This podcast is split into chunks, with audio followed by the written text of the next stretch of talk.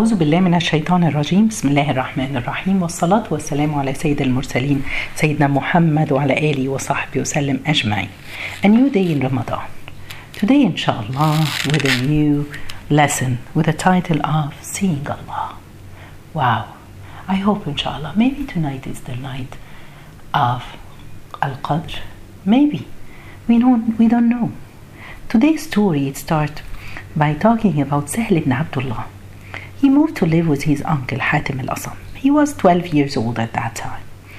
When he moved to, to live with his uncle, he saw every night his uncle and his wife waking up and praying for the night prayer. So he started to wake up and pray like them. After three, four months, one day after they finish the night prayer, they go to the masjid for praying the Fajr prayer. On their way, Sahl he told his uncle, Uncle, there is something happened strange to me tonight. He told him what happened. He said, When I was prostrating to Allah in my prayer, I felt a different feeling. I felt that my heart is prostrating to Allah. And when I stood up to continue my prayer, I felt my heart still in prostrating. When I finished my prayer, now walking with you, I still feel my heart is there. So his uncle looked at him and he told him, Oh, my beloved son, this is the heart, the, the, the heart when it prostrate in the in front of Allah subhanahu wa ta'ala. It will never come up except under the throne of Allah on the day of judgment. Subhanallah. Look at the feeling of this young boy in his prayer. We hope and wish we this is how we feel in our prayer, especially tonight. Let's have the intention to have our prayer at different, to concentrate in our prayer, to feel how he felt. This is the meeting. This is where we see Allah. That's the first meeting for us with Allah subhanahu wa ta'ala in this life. And inshallah we will meet and we see Allah in the hereafter. But the beginning is here in this life, in our prayer, where our heart is connected to Allah. Our heart is attached to Allah. This is the real meeting that we wanted. So let's try in our prayer. One of the companions, he said, one of the, um, yeah, companions, he said that I lived for 20 years pushing myself to entering and praying. And then I lived another 20 years pushing myself to finish the prayer because he started to enjoy his prayer. He started to feel the connection between him and Allah subhanahu wa ta'ala and we all wish to see Allah subhanahu wa ta'ala. We all wish Allah subhanahu wa ta'ala. He said in the Quran that some faces that they shall be nadira, shining and radiant, looking at their Lord. May Allah subhanahu wa ta'ala make us from those people who see Allah subhanahu wa ta'ala. We hope so for this.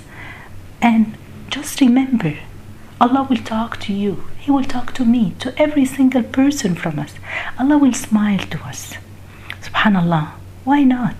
Look at the Prophet, peace be upon him, on the day of judgment. He will prostrate in front of Allah, praising Allah subhanahu wa ta'ala. Just imagine Prophet Yusuf, when the women they saw him, they cut their hands because he was so handsome. And so what do you think? He's a creation of Allah. What about seeing Allah Himself?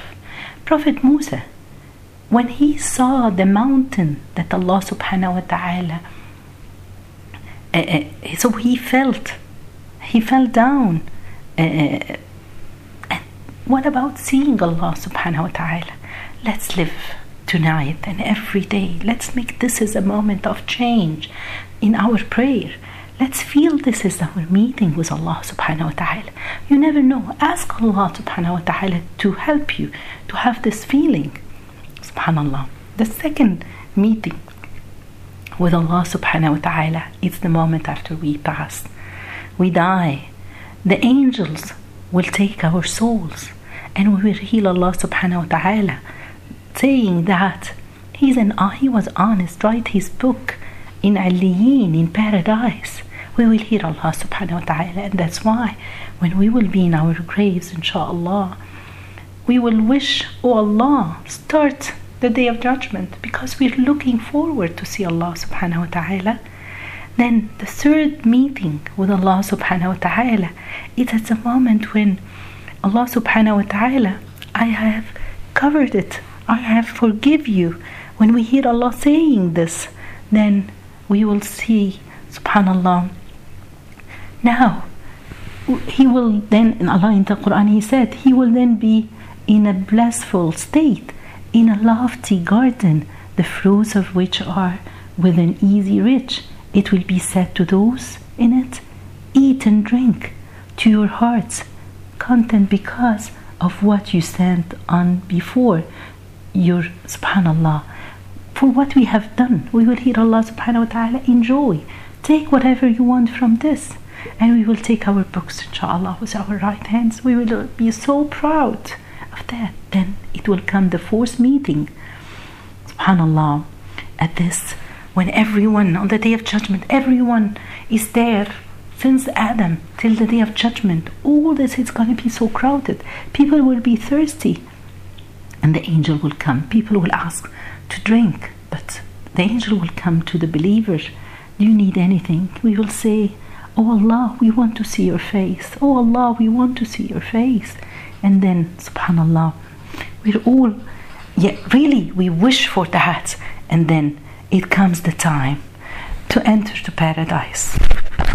And then people at paradise will have a gathering with their Lord every Friday, on which they will have the blessing of gazing upon His noble countenance. Subhanallah. Jibril came in a hadith, in an authentic hadith. The Prophet is saying, Jibril will tell him about, he said, This is Jum'ah prayer. It's the master of the day, and we call on the day of judgment, Allah subhanahu wa ta'ala will see them. He said this, that is because your Lord has allocated a valley in paradise that is more fragrant than white musk. When Friday comes among the day in the hereafter, the Lord, may he be blessed and exalted, will descend from his throne. Just imagine with me the moment. And the Kursi will be surrounded with seats of light on which the Prophet will sit. Subhanallah. They will say, Allah subhanahu wa ta'ala, uh, uh, then the owner of majesty and honor will appear and say, Ask me, ask for of me. They will say, We ask you, we ask for your good pleasure, O Lord. He will say, It's because I am pleased with you that you are in paradise. Do you want more? Subhanallah. What is the more? We have seen you, Allah subhanahu wa ta'ala. What do you want more than this? Subhanallah, Allah will say, This is the day of increase, of al mazid. You will see Allah subhanahu wa ta'ala. My message today for me and for you all. Let's start our prayer from this moment, from today. It could be Laylatul Qadr. It could be the change. It could be the savor for all of us. This is the first thing. We all wish to see Allah subhanahu wa ta'ala. We all wish to see Allah and to be in paradise. So let's start it from now. From our prayer tonight. In this night, it could be the night of light. It could be the night it change all our life. If we just feel this in our prayer, so it's the first meeting with Allah. May Allah subhanahu wa ta'ala bless us. May Allah subhanahu wa ta'ala make us from those people who pray and give charity and do all the good things in the night of light in ليلة القدر جزاكم الله خير سبحانك اللهم بحمدك أشهد أن لا إله إلا أنت استغفرك وأتوب إليك